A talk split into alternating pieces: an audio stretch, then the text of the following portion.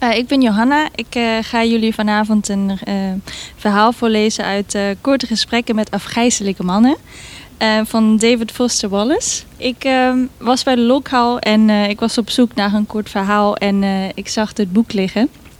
En ik leende het en ik ging het lezen en ik had zoveel plezier met het boek. Nou, ook zijn alle mannen in mijn leven absoluut niet afgrijzelijk geweest, echt niet. Um, vond ik het wel grappig om sommige dingen te herkennen in de verhalen van uh, David Foster Wallace. En ik denk ongeacht je geslacht zal iedereen wel dingen herkennen als je dit boek leest. Dus het is echt een aanrader. Ik ga jullie één kort gesprek voorlezen uit het boek met één afgrijzelijke man. Het is een soort van monoloog en er is dus één man aan het woord. Dus dan weet je dat alvast, dat is wel belangrijk om te weten. Nou, vooruit ja, dat was de bedoeling. Maar wacht eens even, oké? Je moet heel even iets proberen te begrijpen, ja? Kijk, ik weet dat ik een humeurig type ben. Ik weet dat ik soms wat op mezelf ben. Ik weet dat ik hier niet de makkelijkste in ben, ja? Oké? Maar dat gedoe altijd, dat je iedere keer dat ik wat humeurig of op mezelf ben gaan zitten denken dat ik er vandoor ga of op het punt sta je te dumpen, daar kan ik niet tegen.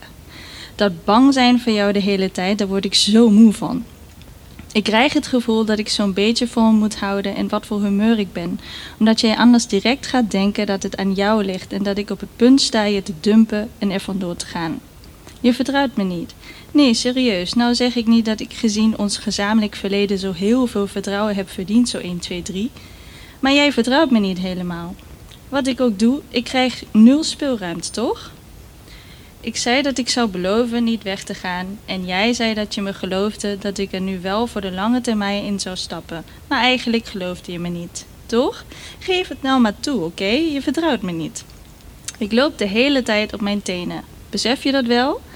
Ik kan je niet blijven geruststellen de hele tijd. Nee, maar ik zeg ook niet dat ik je nu gerust wil stellen. Nu probeer ik je gewoon aan, aan het verstand te brengen. Ja, kijk eens. Eb en vloed zul je altijd hebben, oké? De ene keer heeft een mens nou e-, nu eenmaal meer trek in dan andere keren. Zo werkt het nou eenmaal. Maar jij kunt niet tegen Eb. Het voelt alsof Eb niet mag. En ik weet dat het ook mijn schuld is, oké? Ik weet dat die andere keren nou niet bepaald geruststellend waren. Maar daar kan ik niks aan doen, ja? We leven nu. En nu heb ik het gevoel dat je iedere keer dat ik even geen zin heb om te praten, of wat uit mijn hum op of op mezelf ben, gaat denken dat ik stiekem van plan ben je te dumpen. En dat doet pijn, hoor je? Het doet oprecht pijn. Als ik wat minder van je hield, of wat minder om je gaf, had ik er misschien wel tegen gekund. Maar helaas, dus ja, vandaar de koffers, ik vertrek. En daar was ik al. Dit is nou precies waar ik al bang voor was, dat je het zo zou opvatten. Ik wist gewoon dat je zou denken dat dit betekent dat je gelijk had om de hele tijd bang te zijn en je nooit op je gemak te voelen om het te vertrouwen. Ik wist dat het weer zou zijn van, zie je wel, nu ga je toch weg, ook al had je beloofd van niet. Ik wist het, maar ik leg het toch maar nog even uit, oké? En hier heb je vast ook geen boodschap aan, maar ho, probeer gewoon even te luisteren en er iets van tot je te laten doordringen, ja? Klaar? Het feit dat ik vertrek is geen bevestiging van al je angsten om mij. Integendeel, dan komt het juist door. Ja, snap je dat? Die angst van jou, dat, daar kan ik niet tegen. Dat wantrouwen en die angst waar ik steeds tegenop moet boksen. En ik kan niet meer, mijn tank is gewoon leeg. Als ik ook maar een klein beetje minder van je gehouden had, had ik er misschien tegen gekund. Maar het vreet aan me. Altijd het gevoel dat ik je voortdurend bang maak en je nooit helemaal op je gemak kan stellen. Besef je dat wel?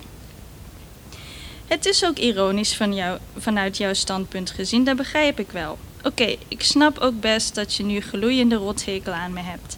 En het heeft me behoorlijk wat tijd gekost om op het punt te komen waarop ik bereid ben die gloeiende rothekel van jou te trotseren. En die blik van zo ongeveer de complete bevestiging van al je angsten en vermoedens. Je zou jezelf eens moeten zien, ja serieus. Als je je gezicht eens kon zien, iedereen zou meteen begrijpen waarom ik wegga. Dat spijt me dan. Ik wil niet alles op jou afschuiven. Sorry, het ligt niet aan jou, oké? Ik bedoel maar, er zou wel iets met mij aan de hand kunnen zijn. Als je me na al die weken nog altijd niet kunt vertrouwen of zelfs maar een beetje normale app en vloed aan kunt, zonder de hele tijd te denken dat ik op het punt sta er vandoor te gaan. Geen idee wat, maar het moet haast wel. Oké, en ik weet dat ons gezamenlijk verleden geen schoonheidsprijs verdient. Maar ik verzeker je dat ik alles wat ik heb gezegd ook echt meende en mijn best heb gedaan voor de volle 200%. Hand op het hart. Het spijt me zo. Ik zou er alles voor over hebben om je niet te kwetsen. Ik hou van je. Ik zal altijd van je blijven houden.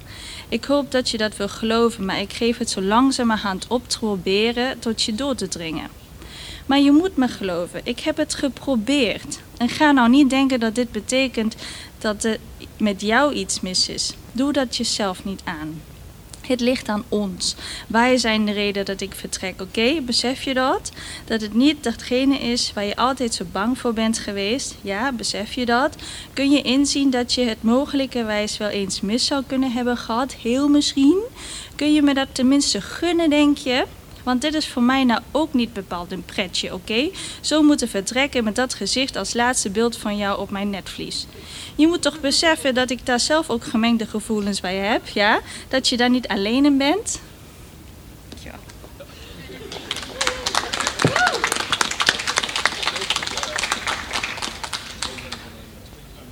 Dankjewel Johanna, fantastisch. Maartje. Ik heb een verhaal uit uh, jaargang 18 nummer 1 van Op Ruwe Planken. Wat een tijdschrift is voor ongepubliceerde schrijvers gebaseerd in Nijmegen. En uh, dit is een heel legendarisch verhaal eigenlijk onder de redactie van Op Ruwe Planken. Omdat het altijd strijd is over welke verhalen er wel en niet in komen. Maar bij deze was het eigenlijk heel unaniem een ja. En hij is, ja, daarom heeft hij ook gewoon uh, een warm plekje in mijn hart. Het is van Rudy Verbund. Dit is een prachtverhaal. Het heet De neef van Bob Dylan. Er stond iemand aan de deur die zei dat hij de neef van Bob Dylan was. We twijfelden even, maar na overleg kwamen we tot dezelfde conclusie. De neef van een Nobelprijswinnaar laat je niet buiten staan. Het feest was op dat moment al in volle gang. David danste als een luchtman van het tankstation en Bart en Els praten over obscure films. De neef van Bob Dylan ging op de bank tegenover de televisie zitten. Naast hem zaten twee mensen in elkaar vervlochten. Armen en benen bewogen als een slangennest en soms schampte een elleboog bijna het gezicht van de neef. Hij negeerde het alsof hij op het perron aan het wachten was en niets anders zag dan het spoor dat voor hem lag. We sloegen hem gade vanuit de keuken. Mirjam zei: Hij is wel erg donker voor een neef van Bob Dylan. Daar, daar had ze een punt, al wist niemand precies hoe het met de stamboom van de zanger zat. Zullen we hem vragen of hij een liedje wil spelen? vroeg Daniel. Maar Mirjam merkte terecht op dat de neef van Bob Dylan niet per se hetzelfde talent als zijn oom hoefde te hebben. Zo bleven we naar hem kijken tot hij opstond en in de richting van de keuken liep. Is er ook iets te drinken? vroeg hij in vlekkeloos Amerikaans-Engels. We knikten en Mirjam opende de koelkast. Hij klonk wel echt als de neef van Bob Dylan. ja, dat was op.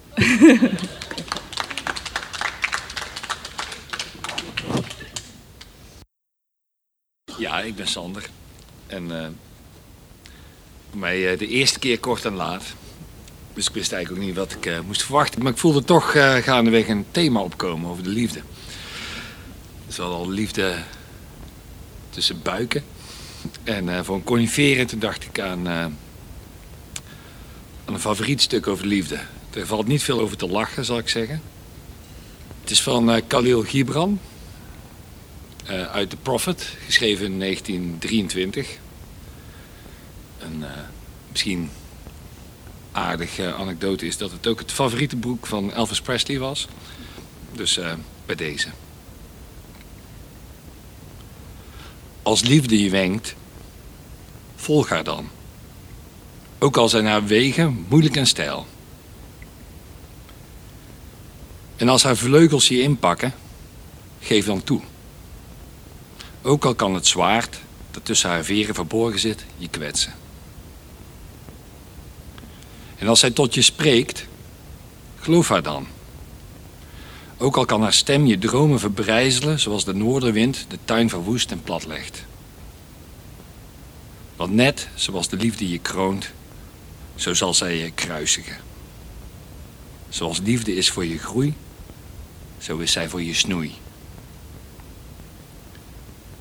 En zoals liefde klimt naar je kruin en je zachtste takken streelt, die staan te trillen in de zon.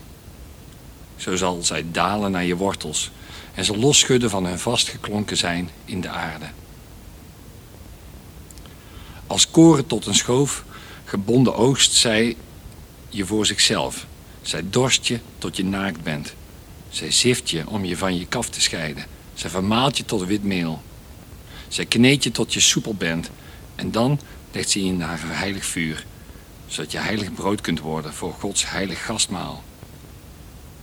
Al deze dingen zal de liefde met je doen. Opdat je de geheimen van je hart zult kennen. En in die kennis deel bent van het levenshart. Maar als je in je angst alleen de vrede en het plezier van liefde zoekt, dan is het beter voor je als je je naaktheid bedekt en van de dorsvloer van liefde afstapt. De wereld zond seizoenen in waar je zult lachen, maar nooit je volle lach. En waar je zal huilen, maar nooit al je tranen. Liefde geeft niets anders dan zichzelf. En neemt niets anders dan zichzelf. Liefde bezit niet, noch wordt bezeten. Want liefde in zichzelf is genoeg.